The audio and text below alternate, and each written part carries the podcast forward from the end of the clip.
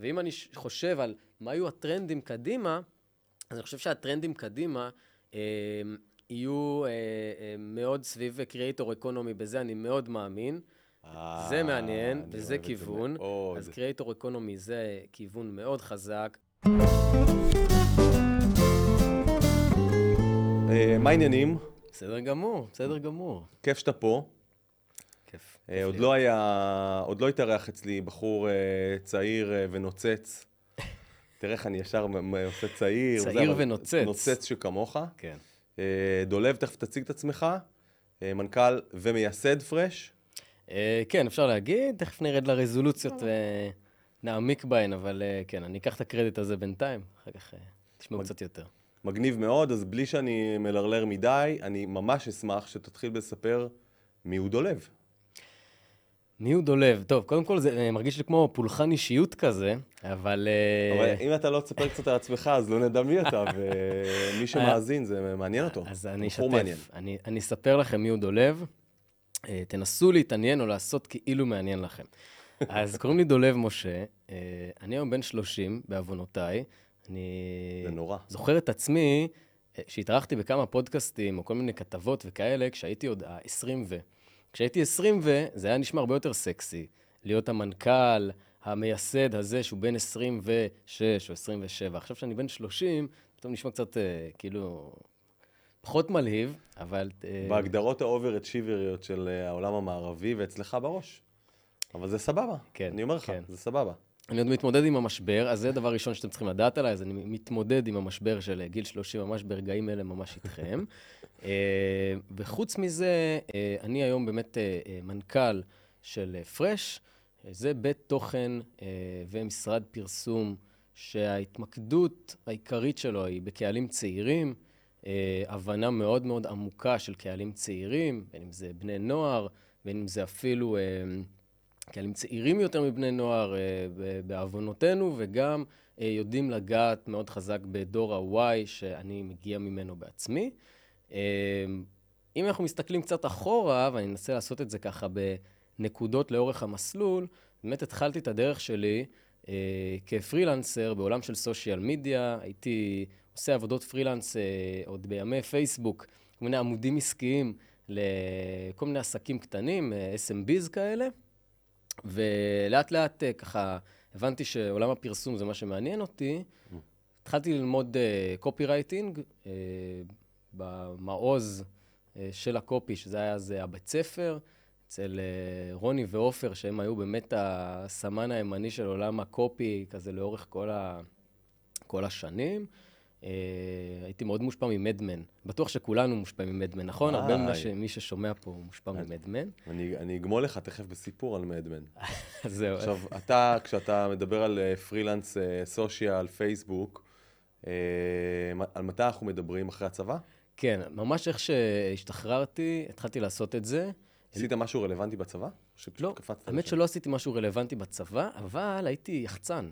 אה, התעסקתי בחיי לילה, בזמן שהייתי חייל, והייתי אה, יחצן, הבנתי. והיינו עושים איבנטים כאלה בפייסבוק. אני לא יודע אם אתם זוכרים את הדבר הזה, היינו מנג'סים לאנשים עם כל מיני איבנטים כאלה בפייסבוק אתה למסיבות. אומר כאילו שזה לא קיים, זה עדיין קיים, כאילו, פה ושם. אני מנסה להימנע מזה כבר. טוב. באופן כללי מפייסבוק, נראה לי שאני מנסה להימנע, אבל, אה, אבל אה, לטובת המאזינים שעדיין נמצאים בפייסבוק, אז זה בשבילכם. אז היינו עושים כל מיני איבנטים. ואז משם הבנתי שיש לסושיאל, או בפייסבוק בזמנו, איזשהו כוח באמת ב- לקדם, אה, אה, לא הייתי אומר מותגים, זה היה יותר עסקים. אה, באמת התחלתי פעילות אורגנית, ואחר כך פעילות ממומנת קצת, ולמדתי קופי רייטינג, ושילבתי את היכולות האלה, ובאיזושהי נקודה הבנתי שאני, כדי להיכנס למה שהיום מאוד אוהבים לקרוא העולם האמיתי, תמיד כשמלמדים סטודנטים לפרסום, אומרים להם, בעולם האמיתי זה ככה וככה. אז כדי להיכנס לעולם האמיתי, הבנתי שאני צריך איזו דריסת רגל כשכיר, והלכתי להיות דווקא איש אה, סושיאל, שאחר כך התגלגלתי להיות גם מנהל דיגיטל, בצד לקוח דווקא. אה, במכללה ללימודי הייטק. מהמם. ועשיתי את התפקיד הזה קרוב לשנה, אבל ממש בער בי, כאילו משהו ממש בער בי, מהמקום הזה שהרגשתי שאני צריך לעשות דברים שהם יותר קריאיטיביים, יותר נועזים, ולעבוד על יותר ברנדים. כשאתה עובד על brand אחד, אז אולי אתה תדע להגיד אה, איך זה מרגיש לעבוד על הרבה ברנדים לעומת לעבוד על brand אחד, אבל הרגשתי שכשאני עובד על ברנד אחד, גם כשהוא היה יחסית ורסטילי, זה, זה היה לי מאוד מצומצם, מאוד צר, והבעירה הפנימית הזאת, הרעב הזה, כאילו זה לא, זה לא הספיק. מה נתן לך בית ספר? כאילו, תלגום, מעולה. מה נתן לך בית ספר? היום גם, היום אתה בפוזיציה אחרת, יש לך לקוחות אה, אינטליגנטים שמבקשים ממך אסטרטגיה וכאלה, אבל אני מניח, אבל אה, מה, זה נתן לך, כאילו, אה, איפה זה שם אותך, איזה כלים זה נתן לך, כזה ממש בקצרה? אז אה, אני חושב שעל פניו, מה שאני עושה היום, אוקיי, שאנחנו תכף נגיע לזה, אבל שזה עולם של תוכן, סושיאל, משפיענים וכולי, הוא מאוד אג'י, והוא נשמע הדבר הכי רחוק בעולם מהבסיס של קופי רייטינג ושל פרסום בכלל. וזה לא נכון. הוא לא. הוא לא. אז הבית ספר נתן לי את השורה הזאת, שאני הולך איתה לכל מקום ולכל פגישה ולכל לקוח, שזה המקום הזה של אה, מה יוצא לי מזה. תמיד חושב על מה יוצא לי מזה, של הצרכן, ואם אנחנו לוקחים את זה לעולם של צעירים או של בני נוער, שהם הרבה פחות עובד עליהם, כאילו, אה, כל השטנץ הזה של אה, תוכן שיווקי וכולי, אז מה יוצא לי מזה הוא אפילו מתחדד. כאילו, אז כל מוצר או כל מותג, אני תמיד מנסה ללכת לבסיס, לקלאסי, לתובנה, למה יוצא לי מזה, אה, וגם לפעמים לאזור הזה, מה שנקרא, קראו לזה relevant unexpected. המקום של הנקודת מפגש בין תוכן שהוא, או קמפיין, או קריאיטיב, שהוא רלוונטי לפריף ולקהל, אבל הוא גם בלתי צפוי או מעניין או נותן איזשהו ערך מוסף. כל הזמן יש שם מלחמה, כי ה-unexpected מושך אותך הרבה פעמים לגימיק, וה-relevant מושך אותך הרבה פעמים לתוכן שהוא טיפה יותר סאחי, והוא לא באמת מעניין מספיק, וזה היום-יום, ככה הוא נראה, הוא כל הזמן נע בין ה-relevant ל-unexpected. יפה, אז אני מחזיר אותך לרגע הזה שבו היה לך כבר משעמם. יאללה, היית שנה במקום, אתה Generation Y, אבל אתה נושק ל-Z, משעמם שנה, הבנתי, רצית להתקדם. זהו, אז... מה משם? אז באמת היה קצת משעמם. היה, היה מעניין וממקצע, אך משעמם קצת. Mm-hmm. והלכתי להאקתון, האקתון של פייסבוק מטעם הבית ספר. בהאקתון הזה פגשתי בעצם את המנכ"ל של המקום שעבדתי בו לאחר מכן. ונכנסתי לעבוד שנתיים במשרד פרסום טינק, שחלקכם אני מניח מכירים. אז פגשת שם את ויצמן? נכון. אוקיי. Okay. הכרנו שם, ובעצם שם בעצם הבנתי שיש לי עניין מאוד מאוד גדול בלהביא משהו חדש, בעולם שהוא חדשנות, בעולם שהוא קהלים צעירים. כבר אז מאוד קרץ לי, ואני זוכר שהתעסקתי הרבה מאוד בסנאפצ'אט. אז כבר אז הייתה לי איזושהי קבוצת פייסבוק על פרסום בסנאפצ'אט. זה עוד היה לפני, לפני טינק. אה, מאוד עניין אותי סנאפצ'אט, מאוד עניין אותי קהלים צעירים, Gen Z, הבנתי שקורה שם משהו, אוקיי. אה, וגם כל עולם היוטיוברים וכולי, וזה באמת התחבר לי טוב, הרצון שלי לעשות משהו שהוא מעניין יותר, קריאטיבי יותר, מגוון יותר, וההצעה שבאה אז בזמנו מצד טינק, באמת נכנסתי לתפקיד. אה, בהתחלה הייתי בעצם מנהל תוכן של מותגים כמו קוקה קולה ומילקי ב social, אז עשינו יוטיוב ועשינו פייסבוק ועשינו אינסטגרם, לא היה אז טיק טוק. עשינו הרבה סנאפצ'אט בנקודה מסוימת ובתקופה מאוד מאוד קצרה, כשסנאפצ'אט ככה הייתה רלוונטית פה בארץ. כן. אמ, אחרי שהייתי עושה תוכן, אז באמת עברתי לעולמות דווקא יותר מסחריים קצת, אה, למחלקה של המדיה. אה, ולהתעסק בהסכמים שהם מסחריים אה, בעולמות של תוכן שיווקי, וכל מיני פורמטים דיגיטליים ודברים כאלה. אז באמת חלשתי על כל מה שיכולתי, והיה לי... ניהלת עד אז מישהו? לא ניהלתי עד אז אף אחד. כן. אה, ניהלתי עד אז בקושי את עצמי. כן. ואת הלקוחות שלי ואת המותגים שטיפלתי בהם. איך, איך ויצמן הגיב ל... זה שעזבת ופתחת חברה מתחרה? אז אתה עושה ספוילר. אני, אה, אני, אני, מקדם, אני מקדם אותנו למקומות הבוערים. זהו, אז אתה נוגע פה בנקודה מעניינת. היום בעצם יש אה, שתי חברות, עד כמה שאני יודע כלקוח. אה, כשאני בתוך ביימי חשבתי על מותג לצעירים, אז משרד הפרסום שלי או משרד התוכן, אבל כשבני נוער זה באמת עולם לא מפוצח, אנחנו עוד ניגע בזה, וזה offshoot של טינק. לא ידעתי בכלל שהיית שם. כן, אז הנה הסקופ. אנחנו נחשף. נקדיש אז את השלוש דקות הבאות ליניב ויצמן, אנחנו נשלח לו גם את זה. אנחנו נשלח לו ב mention. אתה יכול. סבבה. אז איך הוא הגיב לזה? אז באמת מה שקרה זה שאחרי שנתיים שם בכמה תפקידים שונים מאוד מגוונים, מהמדיה, תוכן, social, פיתוח עסקי, קצת אפילו הייתי אחראי על שיווק של אפליקציה, הייתי אחראי שם על אמ, מכירה של כלי מדיה של סנאפצ'אט, היה שת"פ אה, בלעדי של סנאפצ'אט, הנה עוד סקופ. אסף שגיא, מנכ"ל טיקטוק ישראל, היה אז מנכ"ל סנאפצ'אט, ואני ואסף שגיא עבדנו מאוד צמוד על מכירת כלי פרימיום של סנאפצ'אט בשוק הלוקאלי. מהמם. באמצעות טינק, מה שנקרא. וזה באמת היה קצה התפקיד שלי שם, כשקיבלתי אה, ביום אחד אה, שיחת טלפון מבעלי מניות אה, שהקימו חברה.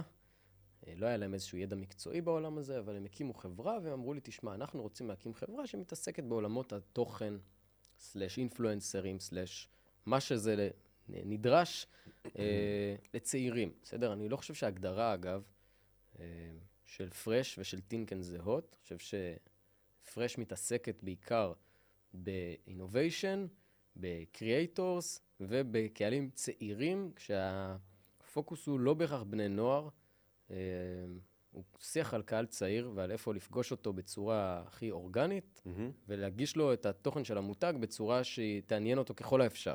כן. אז, אז לא בדיוק אותו דבר, אבל כן, הזמינו אותי, קראו לי. אה, בהתחלה סירבתי איזה שלוש-ארבע פעמים, אמרתי, לא. אה, עד שבסוף שכנעו אותי, אמרתי, בסדר.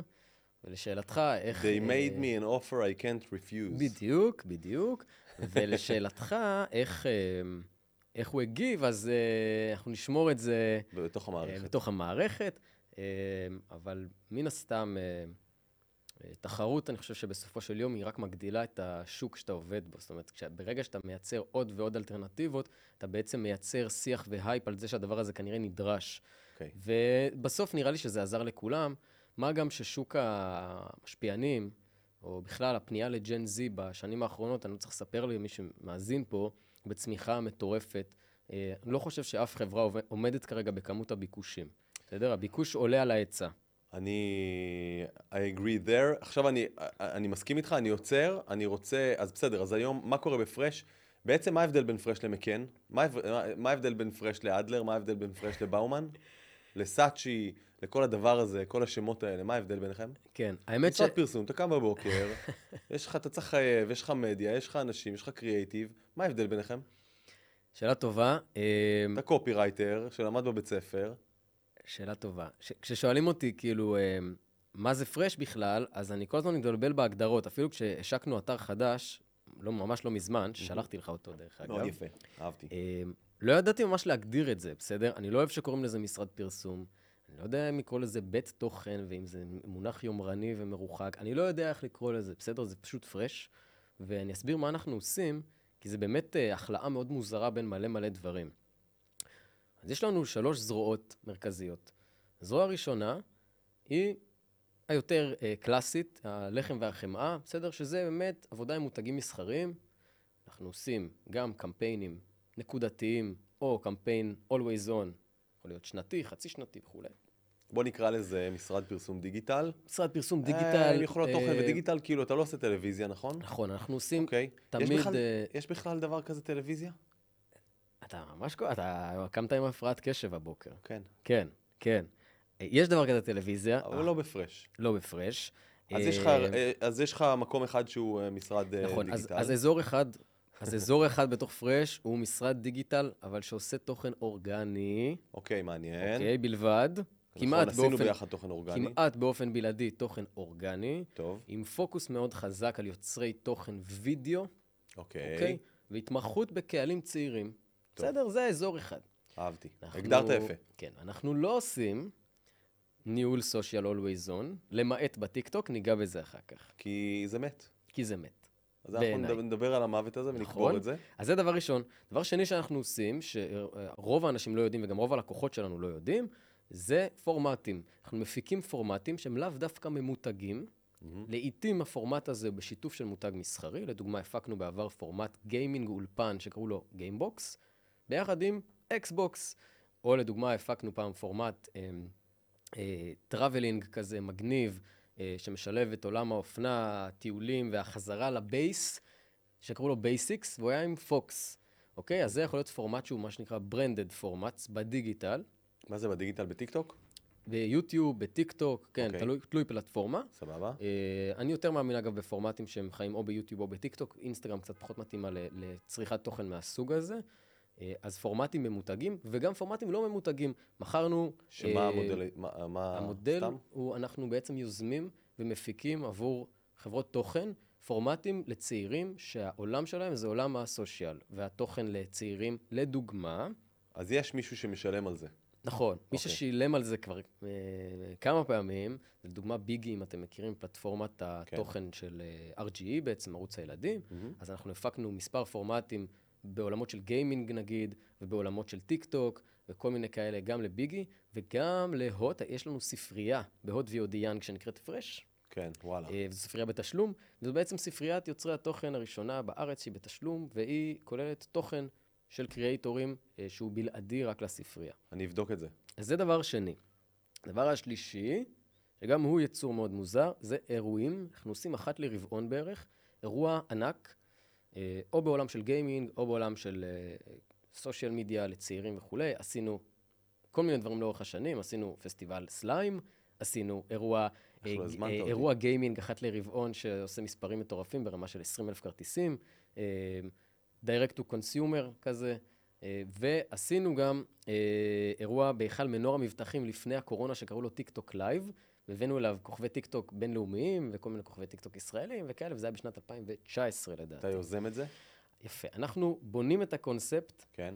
מגייסים את הטאלנטים לתוך העניין, בונים את התוכן, מפיקים את התוכן, וגם עובדים עם קופת תל אביב לרוב למכירה של כרטיסים, ואנחנו גם אמונים על הקמפיין עצמו, כן. שאמור למכור את הכרטיסים. אתה גם מממן את הקמפיין הזה? הקמפיין הזה עובד אורגנית לחלוטין, וואו. כן, ואנחנו יודעים לה, לה, לייצר מכירות ב scale של 20 אלף כרטיסים לאירוע בצורה אורגנית לחלוטין. אתה חושב שהיכולת שלך לעשות דברים אורגניים נובעים מהעובדה שאתה מתבסס מאוד על טיקטוק שהיא עדיין מאוד אורגנית? כי בטח זה ייגמר באיזשהו שלב, או שזה פשוט אה, פיצחת משהו? לא חושב שזה מבוסס טיק טוק, כי טיק טוק נכנסה לחיינו בסוף 2018, או נגיד 2019, כשהווליום המרכזי היה ב-2020, ועד אז עבדנו מאוד חזק בכלל ביוטיוב. אה, אבל אני יכול להגיד אז שה... האורג... האורגני מתבסס על פרופילים של משפיענים. האורגני מתבסס על מדיות קיימות חזקות. זה יכול להיות משפיענים, זה יכול להיות יוטיוברים, וזה יכול להיות גם ערוצי תוכן. אגב, ישראל בידור, שכולנו מכירים ויודעים, ערוצי תוכן שהם, זה בעצם אה, ערוץ תוכן, אה, זה, זה מעניין לקרוא לזה אורגני. זה כמו לקרוא ל-ynet אורגני. אני לא יודע אם הייתי משווה, כי כשאתה בתוך אה, פלטפורמת סושיאל, דברים עובדים קצת אחרת, כאילו... נכון. צורת הצריכה, ה- האופציה למעורבות, נכון. שהיא לא טוקבק אה. וקללות ב- בשם בדוי, או דברים כאלה שכולנו אוהבים. אז, אז זה קצת שונה, אבל כן. ואגב, נגיד ישראל בידור כזה שם קוד, אז אנחנו הקמנו איתם גם ערוץ יוטיוב לפני כמה שנים, שהיה ממש ערוץ משותף. כל המערכת של ישראל בידור ביוטיוב בעצם ישבה יחד איתנו בפרש, וזה לא הרבה יודעים, אבל אנחנו היינו מאחורי הקלעים של זה. אז היה לנו את זה, והיה לנו כל מיני באמת ערוצים שהקמנו וניסיונות שעשינו, חלקם הצליחו, חלקם פחות הצליחו. אבל אה, אז, אז, אז תנסה אתה להגדיר מה זה הדבר הזה. אני Fresh. לא הולך, אני, אני, אני אעבוד על זה בבית. כן. אבל אה, זה לא נשמע כמו משרד פרסום קלאסי. יש בזה זרוע פרסום, יש בזה תפיסה מאוד דיגיטלית, תפיסה עם יוצרי תוכן, כאילו יש פה תפיסה מאוד חזקה סביב יוצרי תוכן ומשפיענים, וכמה פלטפורמות. בסוף אולי ניגע במה זה, במה זה שונה ממשרד פרסום, ונשאל את השאלה אם אנחנו זורקים את עצמנו 15 שנה קדימה, מי ישרוד? אה, משרד הפרסום שלך שיש לו DNA שהוא מאוד אה, אורגני תוכן, בעצם ממה שהוא נייטיב בתוך העולם שבו אנחנו חיים, או אלה שעדיין אה, דוחפים את כולם לטלוויזיה ועושים מלא כסף. בסדר, אבל אתה יודע משהו? הנה, הרמתי, עכשיו אני שנייה, אני, אני מוריד. אני רוצה לשאול אותך, אנחנו עכשיו יודעים מי אתה, אנחנו יודעים מה זה פרש. אני רוצה להתחיל דווקא בקהלים הצעירים. ועכשיו אנחנו נכנסים לפינג פונג שבו התחממנו, אני רוצה שנתחיל לדבר יותר מהר. בסדר? אולי הצעירים יקשיבו לנו ו... בואו נתחיל לייצר את הפינג פונג הזה, בסדר? מהמם. אני לא מבין כלום, יש לי ילדה בת 12. כשניגשתי לקמפיין שנקרא ביי מי יאנג, לא היה לי שום מושג, ואני מחזיק מעצמי אדם מבין, איך אני מחדיר לילד בן, ילדה בת 16, ילד בן 16, אה, מותג. איך אני מייצר להם איזשהו top of mind, ואיפה אני עושה את זה, בסדר? אז בואו נתחיל לדבר על האיך, ואחרי זה איפה, איפה זה, איפה הם נמצאים החבר'ה האלה. אוקיי, okay, אז אני כאילו, אה, ב- בשנה האחרונה התחלתי להיות חסיד של הנושא הזה של discovery. כאילו קלטתי איזה עניין, גם בהרצאות שלי אני מרצה בכל מיני מקומות, ואני תמיד אה, טוחן לסטודנטים את הנושא הזה של discovery. יכול להיות שיש בו ממש, ויכול להיות שגם לא. אבל... ימים יגידו. אה, כן, אבל גם ספוטיפיי, אה, וגם נטפליקס, אה, וגם טיק טוק, אלה פלטפורמות discovery. זה בעצם פלטפורמות שבהן ה user מגלה תוכן. אוקיי? וכמו שהוא מגלה תוכן, אז הוא גם באותה מידה יכול לגלות מותגים, או לגלות מוצרים. זה לא חייב להיות מותגים. אתן דוגמה, מעולם הטיקטוק יכול להיות שמישהי גילתה ב-for you פתאום איזה מוצר מגניב של ניאונים כאלה לחדר, בסדר? שזה עכשיו הייפ מטורף, והיא גילתה את זה בעצם. לא כפו עליה את המסר, לא לחצו עליה לגלות את זה, אלא היא גילתה את זה באופן עצמאי. אה, או לפחות היא חשבה שהיא גילתה את זה באופן עצמאי, שזה גם, גם גישה. עכשיו, העניין הדיסקאברי הזה, אני חושב שיש פה כוח כאילו, רק צריך לדעת לפצח את העניין של איך לגרום למוצר או מותג להרגיש ש- שהוא מגיע לפעמים קצת מלמטה, אה, כדי שיגלו אותו, ולא שהוא יכפה את עצמו מלמעלה על הצרכן. אה, אני לא מתיימר להגיד שכל מה שאנחנו עושים הוא ממש מבוסס דיסקאברי כזה, אבל אנחנו מאוד מנסים להיכנס לאזור הזה. אה, כי אני מאמין שמשם אה, תבוא הישועה במקרה הזה של צעירים ובני נוער. אני אתן דוגמה. תשימו לב, המון המון מותגים, או מותגי סושיאל כאלה, הם דברים שבאו מלמטה למעלה, מהנוער החוצה לקהל הבוגר יותר גם לפעמים. אז גם אה, טיק טוק, אגב, בהתחלה שלה, היא בעצמה גילוי, אוקיי, של קהלים צעירים, שגילו אותה לפני כולם, ונכנסו אליה לפני כולם, ויצרו שם איזושהי חממה כזאת סגורה שלהם, של ממים שלהם, וצחוקים שלהם, וטרנדים שלהם, שאף אחד אחר לא מבין. ובאמת אני יכול להראות לאנשים תוכן בטיקטוק, שהם יגידו, אני לא מבין מה קורה שם. כן. אז יכול להיות דבר כזה, וזה יכול להיות אה, עד רמה של מותגים, סתם אני אתן דוגמאות אה, כמו מותגי social כאלה, אור שפיץ כזה, אוקיי? אור שפיץ נגיד, כולנו יודעים מי זו, נכון? היא בנתה את המותג שלה מאינסטגרם החוצה, והיא לא יצאה בריש גלי בטלוויזיה ושילוט חוצות ואמרה לכולם, בואו לקנות בקונדיטוריה של אור שפיץ. היא פשוט ידעה לייצר איזשהו הייפ מתחת לרדאר, יש שגילו איזשהו, אותו. יש איזשהו מקום, לפודקאסט קוראים בילבורד, מהמם. קראנו לו ככה, חיפשנו את המדיה הכי ישנה שיש. ורצינו לדבר על הדברים הכי חדשים, כן. כשהשם שלנו יהיה הדבר הכי ישן שיש. בסוף, אה, מאור, אה, באחת מהשיחות הליליות, אמר, בסוף זה הכל בעניין של כמה אנשים רואים אותך. יש מקום, אז יש מקום בקהל הצעיר, אתה מדבר על דיסקאבר, יש מקום לדבר איתם דרך אה, טלוויזיה, אמרת עכשיו שלט חוצות וכולי. אפשר פשוט להעיף את זה מהשולחן?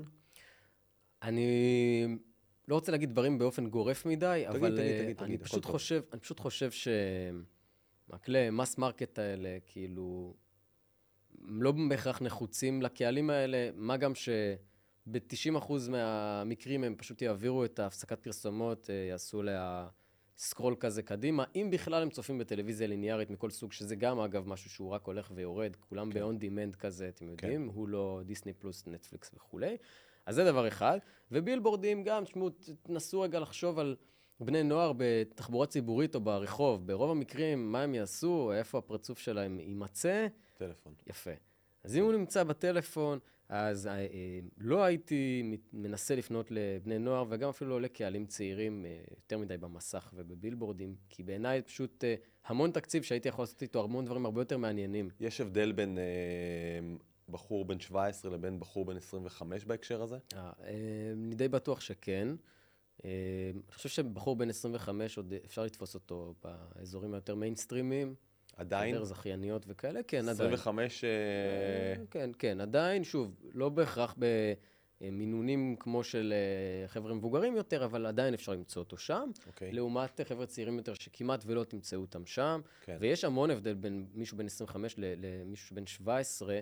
אני רואה את זה על עובדים שאני מגייס, שלפעמים הם בני 26 או 27, שזה לא רחוק מהגיל שציינת, והם אה, בומרים לחלוטין, הרבה פעמים בכל מה שקשור לבני נוער, או לטיקטוק, או לקריאייטורים, או להבנה של הקהלים האלה, והם צריכים ממש ללמוד את זה. למרות שהם על פניו אנשים צעירים. כן. אה, זה עניין של תפיסה, זה לא עניין של גיל בכלל. בסדר? זה עניין של תפיסה והבנה. אז אני עכשיו אוחז במה שאמרת. אמרת, יש, העולם של דיסקאברי זה מקום נהדר להיחשף למוצרים ומותגים. תכף נדבר על מוצר מול מותג, בסדר? כי זרקת לי פעם איזה משפט אה, שנתפס לי במוח.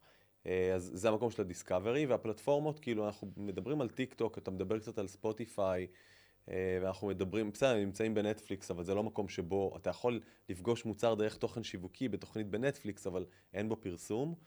אה, ואינסטגרם. אלה בעצם המקומות?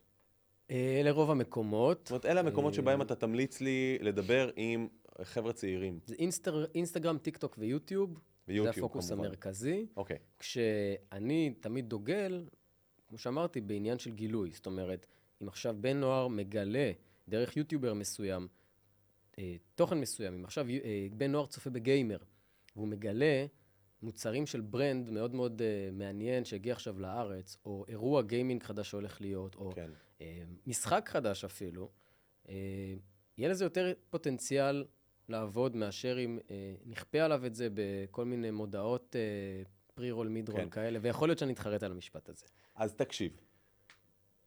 גם כשאני עשיתי קמפיין, אתה הזהרת אותי מזה, ואחרי זה עקבנו אחרי זה. למה ה- הקהלים האלה, נגיד בטיקטוק רואים את זה הרבה, וזה כנראה קהלים הכי צעירים, כי גם אני היום בטיקטוק, אבל אני לא, לא כמו הבת שלי. למה הם שונאים את הקמפיינים? הם בהייט מטורף. נכון. הם מקללים. נכון. למה? מה הבעיה שלהם? האמת היא שאני חושב שזה שילוב בין קריאיטיב רע, הרבה פעמים, אה, לבין זה ש... יש להם איזושהי מחשבה של באיזה קטע אתם פולשים לי לאזור שלי. זאת אומרת, גם לפה הגעתם, יא בומרים מעיקים שכמותכם, עם המסרים המסחריים שלכם. אגב, אני בומר. כן, אני ב- בסדר, גם אני אגב יכול להיתפס בומר, אני פשוט אול- אולי יותר חי את זה, אבל ברמת ה... אני בומר. אוקיי. אז, אז אני חושב שזה, אמרתי, זה פעם אחת קריאייטיב רע, שגם אנחנו לפעמים, בפרש, לפעמים עושים קריאייטיבים שאני מרגיש שיכולנו למנן אותם, שיכולנו לעשות אותם אולי קצת אחרת בדיעבד, אבל אנחנו הכי מנסים להיות קרובים לשם, לקריאייטיב שהוא יהיה כמה שיותר native וירד חלק בגרון, ומהצד השני סיכוי, זה... ה- יש סיכוי, אתה חושב, אה, זה סליחה המקום. שאני... וסליחה, תסיים את המשפט? לא, מצד שני זה המקום, זה, המק... זה, זה, זה טיקטוק עד לא מזמן הייתה ממש חממה, כן. שצעירים יכלו באמת אה, להביע את עצמם בצורה הכי, הכי תכלס, ובלי מעורבות של עולם המבוגרים, ובלי עולם של מותגים, ופתאום הם נכנסו לשם. אתמול אמרתי משהו באחת הפגישות, אה, לא משנה, ישבתי מול איזושהי הזדמנות אה, להשתלב בתוך תוכן אה, שיווקי אמיתי, מתוך סדרה, טיק טוק כזאת ואחרת, וזה לא מעט כסף. ואז אמרתי, תגידו רגע, מישהו פה סביב השולחן יכול להגיד לי, אם אני שם את הכסף, את אותו תקציב, ואני שם אה, באנר עליון בטיק טוק, סליחה על המילה הבומרית שלי, אה, עם אותו מסר, בתקציב הזה אני יכול פשוט להיות כל הזמן בפרצוף של הילדים האלה בטיק טוק, עם אה, מודעה ממומנת או עם המסר הזה. אה, הולדת זה, בסדר, לא ניכנס כאילו מספיק עם התוכן השיווקי, אבל... אה, ופשוט לשרוף את התקציב הזה על משהו חזרתי, שיהיה כל הזמן אותו דבר, בפרצוף שלהם, הם לא יאהבו את זה, בעיה שלהם, אבל אני רוצה לייצר top of mind, מאשר להשתלב בכמה פרקים בטיק טוק באיזושהי סדרה, שכנראה שהם כולם יראו, אבל זה יהיה שנייה וחצי. מה. דעתך על זה? אז שאלה מעניינת. אה, אין לי תשובה, אגב, חד משמעית, כי אני חושב שתלוי מה אופן השילוב, ותלוי האם המותג משתלב שם רק כבדרך אגב ונהנה במרכאות מהצפיות של אותו תוכן, או שבאמת הוא, הוא מביא פנימה איזה added value, יש שם איזה אלמנט משכנע, יש שם איזה אלמנט שבאמת יגרום לצופה להגיד את הוואלה. אגב, קופי רייטינג. תמיד אמרו לנו וואלה או יאללה יאללה. אני זוכר הכל. אם זה וואלה או יאללה יאללה, כאילו, אתה רואה את זה, את הקריאייטיב הזה, את הקמפיין הזה, את התוכן שיווקי הזה, ואתה אומר, יש לך את הניצוץ של הוואלה, או שאתה אומר עוד פעם, נו, יאללה, כאילו, שחררו אותי מהדבר הזה, נו, באמת, איזה שקוף זה, איזה תוכן שיווקי, כאילו, מעפן. אז, אז אין תשובה חד משמעית. יכול להיות שאיזשהו אה, באנר, אה, אם הוא ייתן מספיק value, יכול להיות שאגב, value זה לפעמים גם סתם מבצע, בסדר? ברור. אה, גם מבצע זה value, נכון, אה, לא סקסי, אנחנו אנשי קריאייטיב ותוכן, ומה פתאום מבצע, אבל לפעמים באנר עם מבצע זה value יותר גבוה מאשר אה, איזשהו, איזושהי הבלחה בתוך תוכנית טיק טוק, כזאת או אחרת. ומצד שני, אם יש בתוך התוכנית משהו מעניין, עם ערך, עם עניין, אז אולי זה המקום להיות בו. זאת אומרת, זה ממש תלוי בקריאייטיב, וזה ממש תלוי בסוף מלמעלה, תמיד באסטרטגיה. אסטרטגיית מדיה, אסטרטגיה של המסר, הרבה מאוד דברים, זאת אומרת... אני לא רוצה ללכת לשם, אני כן? חותך. כי אתה צודק, אבל זה בעיות של פרסומאים, אה, של כל הפרסומאים. אה, אני רוצה ללכת, אני רוצה לחדד אותנו למקום, לעוד משהו שאתה אמרת לי אה, בשיחה שעשינו אתמול, לקראת, לקראת הפרק, וזה זה היה לי מעניין. כאילו, אחד הדברים שאמרת לי זה, אנחנו כמותגים רוצים לדבר על אה, עולם יותר טוב. אתה יודע, כל מותג לוקח לעצמו איזשהו DNA רחב ועמוק. מנכס איזה... אני רוצה שהעולם יהיה ירוק ובריא ורענן, ואני מוכר גם נעלי ספורט. אבל המותג שלי הוא בכלל, אה, אה, בסדר, אני מקצין, אני קצת אה, ציני, אבל זה נקרא ברנד אקספיריאנס, ואנחנו באמת בעולם הפרסום נמצאים שם ומדברים על אה, בריפים רחבים מאוד וזה. לעומת, אה, בואנה, מה, דבר, תראה- שנייה את המוצר שלך. אה, ואמרת לי, תקשיב, הלכנו קצת עם הקהל הצעיר, תמננו נכון. חדד לי את הדבר הזה, תגיד לי את דעתך קצת. שאלה טובה. תראו, אני לא מכיר מחקרים מישראל בנושא הזה, אבל אין ספק שמחקרים מארצות הברית, כאלה וכאלה, באמת מראים שמותגים שמתחברים לערכים מסוימים, יש להם באמת אה, איזושהי העדפה בקרב קהלים צעירים, בעיקר מה שנקרא ג'ן זי. בסדר? אז כן, בדי פוזיטיב וסוסטיינביליטי וכל העולם הזה.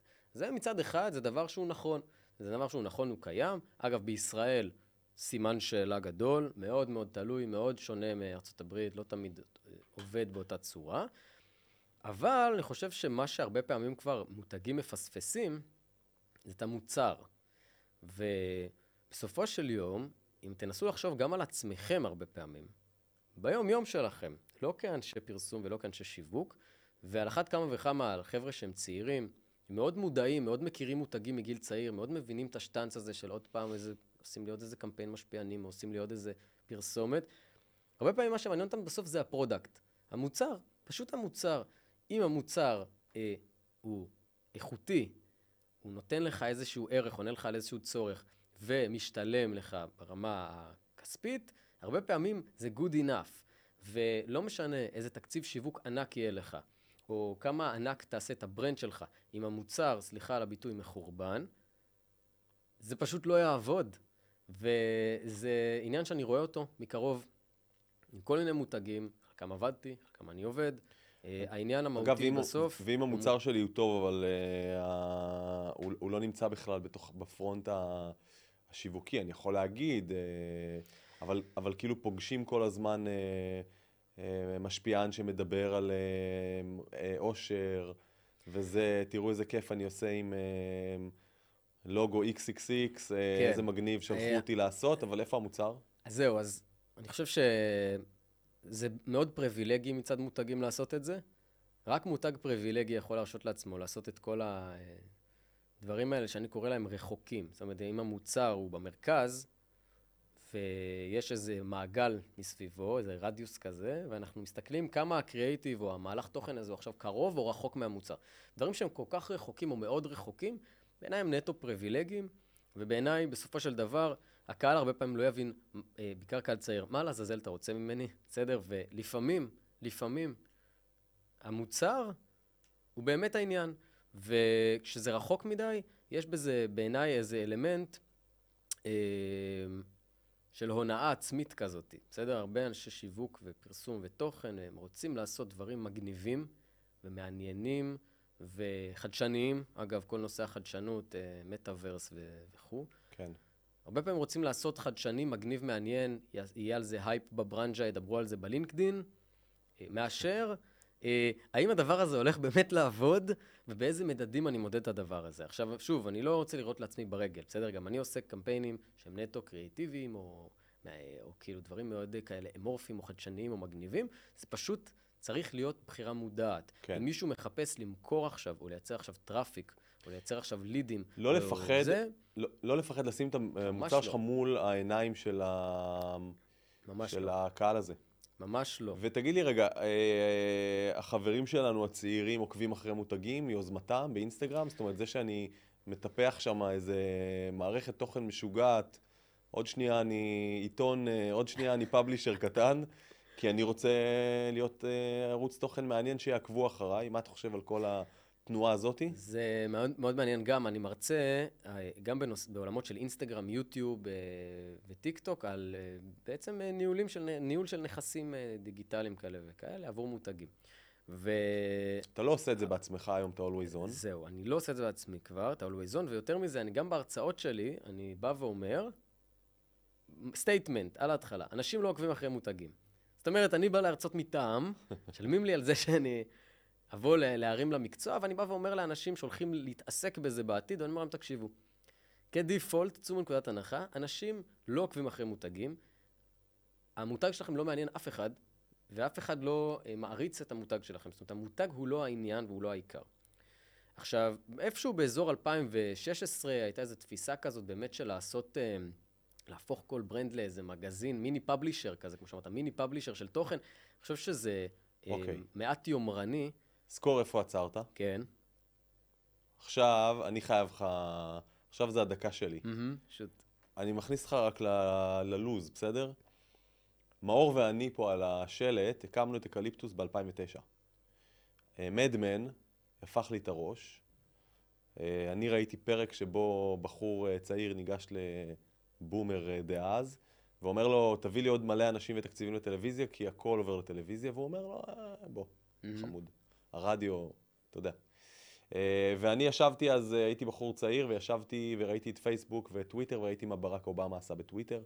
כל הדבר הזה שנקרא, אה, האדם מדבר עם המותג או עם המועמד בצורה ישירה. בלתי אמצעית. כן. בדיוק.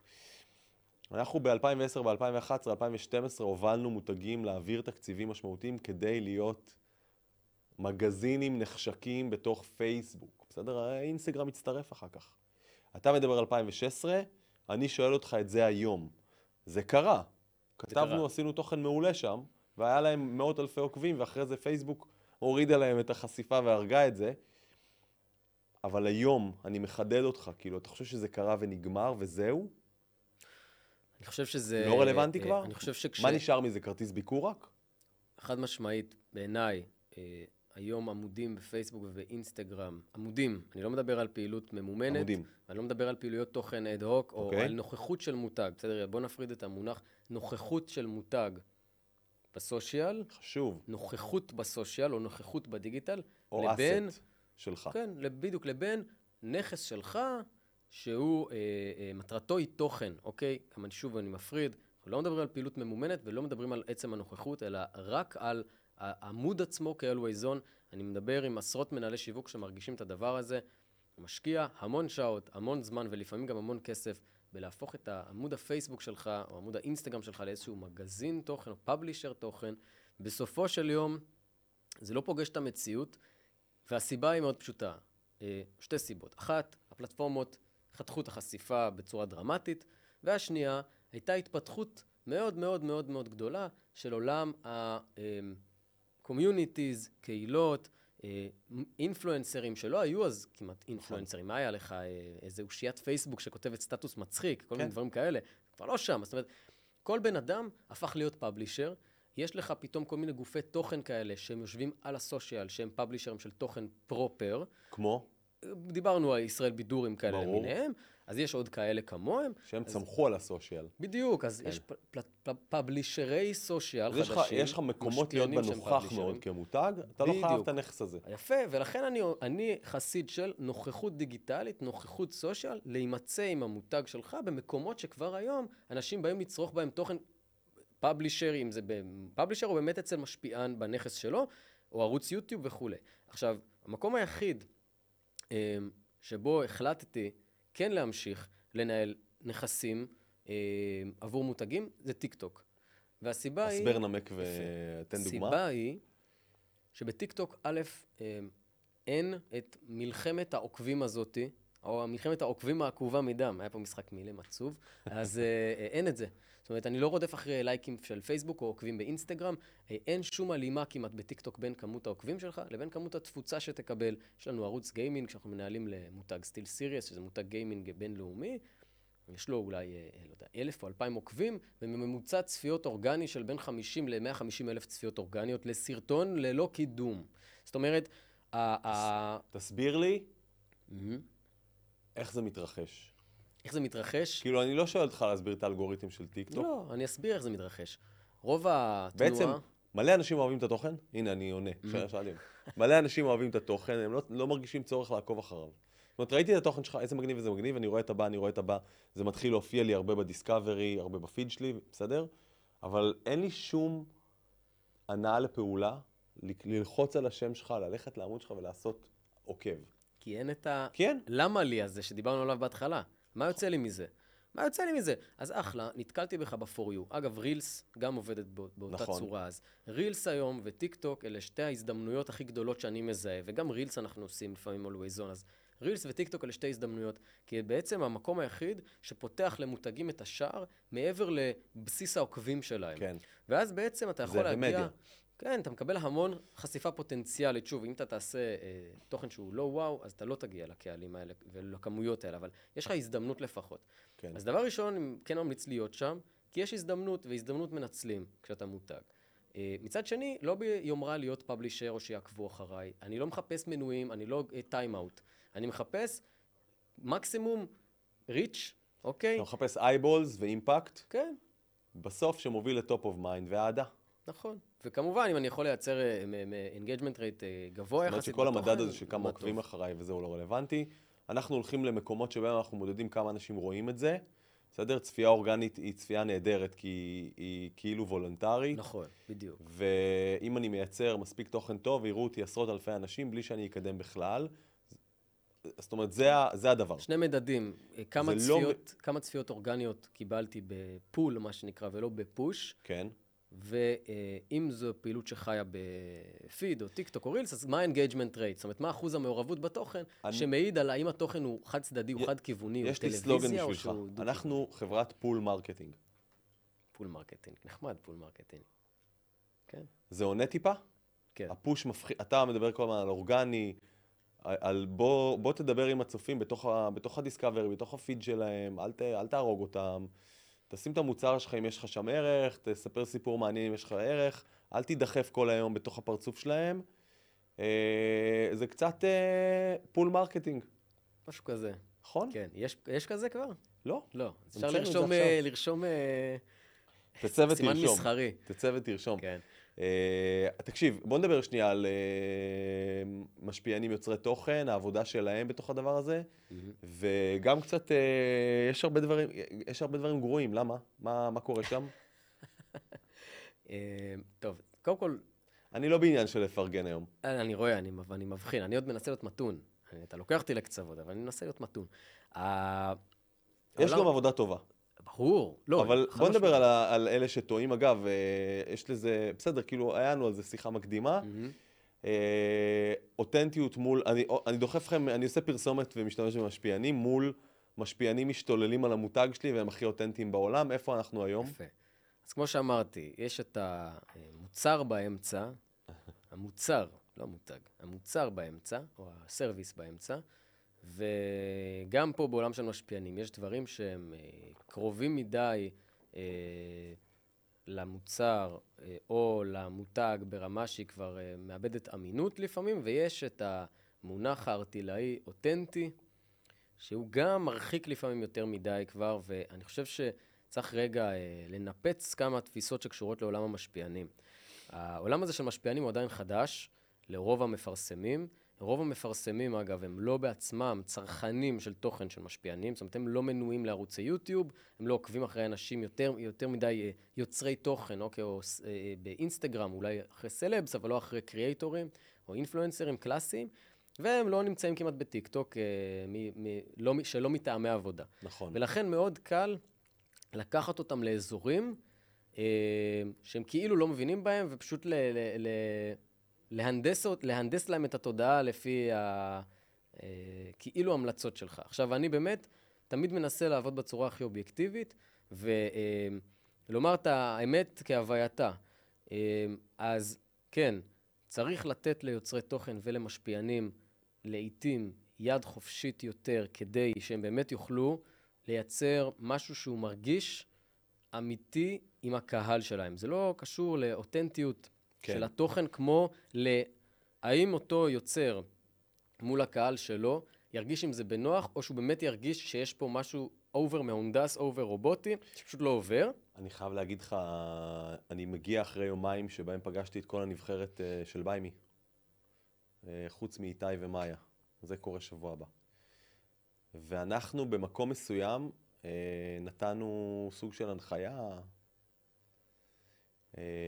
אנחנו ממש נותנים להם להתבטא, אבל נתנו במקום מסוים הנחיה, וכולם אחד אחרי השני, בלי לתאם, mm-hmm. אמרו לנו, זה לא היה נעים לנו, בעיקר בגלל שזה לא רלוונטי לצופים. כאילו, העוקבים שלנו לא רואים כאלה דברים אף פעם אצלנו, ופתאום אה, ביקשתם מאיתנו ועשינו, וזה לא היה נכון לנו בכלל. אז החידוד שלך לגבי, זה לא קשור לכמה אני אותנטי, זה גם קשור לכמה זה רלוונטי למה שאני עושה בערוץ בדיוק. שלי. בדיוק. האם זה... בש... שם זה בסדר. האם זה בשפה? אנחנו קוראים לזה, זה חזק מאוד ביוטיוב בעיקר, אבל זה רלוונטי לכל עולם המשפיענים, וגם לקהילות תוכן. האם זה בשפה של המשפיען? האם זה בשפה? כן. זאת אומרת, אמ, עשינו איזה קמפיין עכשיו לפייבוקס, אוקיי? ונתנו שם בריף עם מסרים מאוד ברורים ועם גג קריאיטיבי מאוד ברור, אבל כל יוצר לקח את זה לקצה, ל-extreme, לכיוון שלו לגמרי, אבל בתוך המסגרת. כן. זאת אומרת, זה כמו שנותנים לי כאיש קריאיטיב בריף, ואני צריך להיות קריאיטיבי בתוך המסגרת, אז אני חושב שצריך לתת למשפיענים מסגרת יותר אז, ברורה, אז בוא... פחות מהונדסת, וגם, אבל, אבל גם לא פתוחה מדי, כי אחרת אתה מקבל uh, צפיות שהיית מקבל גם ככה. או engagement uh, שהיית מקבל גם ככה, גם בלי המותג. בוא נחדד. עכשיו, אם שומעים אותנו כאן אנשי שיווק דיגיטל, אנשי שיווק, מנהלי שיווק, סמנכ"לי שיווק, מנהלי מותג, תעשייה, תעשייה mm-hmm. בצד של הלקוחות, וגם uh, משרדי הפרסום שהיום עושים משפיענים וכל החברות uh, מסביב, ואני מקשיב גם עכשיו בצד לקוח, תנסה לחדד לי, תגיד לי עכשיו, שניים או שלושה דברים שהם uh, קצת uh, כללים כדי לעשות את זה טוב ונכון. ברור שלפעמים זה מצליח ולפעמים זה לא, אני לא מדבר על תוצאות, אני מדבר על איך עושים שימוש נכון במדיה. תחדד לי שניים שלושה דברים uh, ונמשיך לדבר הבא. אז צריך להתחיל מ-KPI. טוב. משם צריך להתחיל את המחשבה בכלל. לא ממי, לא ממה, לא מאיפה, מהמטרה. טוב. מתחילים מהמטרה, מתוך המטרה מחליטים מה המדיום הנכון, זה אינסטגרם, זה טיק טוק, זה יוטיוב, טוב, זה טוויטר, ווטאבר, ואז, אחרי שמבינים את המטרה, מבינים את הפלטפורמה, ואיך היא יכולה לשרת לי את המטרה, כן. רק אז אני יוצא לחלק הכי טקטי והכי פחות משמעותי בעיניי, כן. אוקיי, על כמה שזה יישמע תלוש, שזה הליהוקים. אוקיי. המי. המי הוא כלי בתוך המשחק של ה-KPI ושל הפלטפורמה, הוא לא חזות הכל, הוא לא העניין. אם המי, הבן אדם, הופך להיות הרבה יותר משמעותי מהמטרה, אז זה כבר חסר אה, פואנטה. וזה כבר בעצם, אה, בעיניי, בזבוז של תקציבים. זאת אומרת, פה אתה מחדד את העניין הזה שבסוף, אם אני היוצר תוכן שמדבר על המותג שלך, אם אני אה, לקחתי את זה למקום שזה... אותנטי מדי והמוצר שלך או המסר שלך הולך לאיבוד, אז פגעתי במטרה. והצד השני של זה, שאני תמיד מחדד, זה אם, אם, ואם בסוף ייצרתי לך משהו שנראה קצת כמו פרסומת ממש, אה, ואתה פשוט אמרת אותה מול מצלמה ועשית לזה, אה, עשית לזה פאבליש בפלטפורמה, אז עשית את הדבר הגרוע השני. נכון, נכון. אתה לא יכול להשתמש בו ככלי להעברת מסר בצורה מאוד טכנית, והוא לא יכול להשתמש בך כן. כספונסר בלבד. אני חושב זה, ש... זה אגב, מדהים כמה אפשר לדבר על התחום הזה. אני רוצה רגע להגיד, יש לי איזה, איזה, איזה משפט, יאללה, כאילו, שעכשיו פתאום תביא. קפץ לי. כאילו חסויות, נכון? חסויות זה מאוד ישן. כן, חסות זה של פעם, כזה, כן. חסות. ומותג שעושה influencer marketing, שהוא כל כך רחוק מה-KPI של הקמפיין, הוא בעצם נותן חסות, הוא תומך, הוא ספונסר של המשפיען, לא מעבר. כן, הוא ספונסר. כן. עכשיו, תחשבו אם אתם רוצים להיות ספונסרים של המשפיען, שזה בסדר, אולי זה מה שאתם רוצים, או שאתם רוצים למנף את הכלי הזה שנקרא משפיען לטובת מטרות דיגיטליות כלשהן, או מטרות, כן. ב- לרוב ב-online, פחות כן. offline. יש לי, יש לי המון מה להגיד על זה, אפילו הייתי יכול להיכנס איתך טיפה לדיון עמוק, אבל תראה, על התחום של המשפיענים אפשר לדבר הרבה. אני הסתכלתי, אה, זוהר אוריאן אה, הוציאה בברודקאסט שלה את, הח, את החלוקה התקציבית של 2022. זה unfucking believable לראות לאן, הגיעו הנושא, לאן הגיע הנושא של influencers marketing. ואני אני מתעסק עם זה הרבה בפודקאסט. אני עוצר כאן כי אני רוצה ללכת איתך לעוד שתיים, שלוש שאלות כאלה מהירות, ואז אנחנו פשוט נפוצץ את המשרד ונלך איש איש ל... נפוצץ את האולפן, סליחה, כן. ונלך איש איש לחייו. מרגיש לי כאילו אנחנו יכולים לדבר עוד כמה שעות, כי זה באמת אה, סופר מעניין. אז אחד, אם אנחנו מסתכלים, אה, אני בן 44, אה, כשאתה תהיה בן 44, איפה תהיה? וואי וואי, איזה שאלה נוראית. אתה תהיה מנכ"ל מקן? לא. לא. אתה אני- תהיה מנכ"ל, אתה תהיה אה, אה, פרסומאי? אתה תהיה בומר שמישהו יישב פה ויצחק עליך? אה, שאלה מעניינת, אין לי שום מושג איך לענות לך עליה, אה, ואני לא חושב שהתמחות בקהלים מסוימים, או שהבנה של קהלים מסוימים, או העמקה בנושאים של חדשנות, היא קשורה לגיל. אה, יצא לי לשמוע את נועם מנלה, אני חושב שקוראים לו, לא מזמן, שהוא דיבר על אה, ההתפטרות הגדולה, כן. ועל ג'ן Y, וגם על ג'ן Z, והוא דיבר על טיק טוק. שלח לי את זה. אשלח לך את זה. ולדעתי, אם אני לא טועה, לא רוצה להעליב אותך, נועם, אנחנו לא מכירים, אבל לדעתי הוא בין 50 פלוס לפחות, אם לא 60 פלוס. כן. אולי עכשיו העלבתי אותו. אמ, והוא דיבר ממש לעניין, כאילו, ממש היה מדויק, ודיבר לעניין. ומצד שני, יש אנשים בגילי, בני 30, שהם ממש לא בכיוון, כאילו, כן. בכלל. זה לא אמ, כל כך עניין של גיל, זה יותר עניין של state of mind. זה לא עניין של גיל, כן. כמו לאהוב ביולוגיה. אבל אני שואל אותך שאלה כאילו קרייריסטית, אה, אני לא ידעתי להגיד אה, בגיל 30 אה, מה יהיה איתי, וזה בסדר להגיד שלא, אבל אני גם ידעתי שאני כנראה לא אהיה פרסומאי, נגיד מאור שיושב פה הרבה פעמים איתי, בגיל 30 באקליפטוס, הסתכל קדימה ואמר, וואלה, אני, במ- אני באלמנט שלי, אני פרסומאי, ואני אנסה להגיע לטופ בתוך הדבר הזה. אני מאז עשיתי מלא מיזמים, הייתי, הקורות חיים שלי נראים כמו התקפת לב, ואני היום שוב פעם עושה marketing, אבל איפה, איך, איך אתה חווה את המקום שלך בחיים?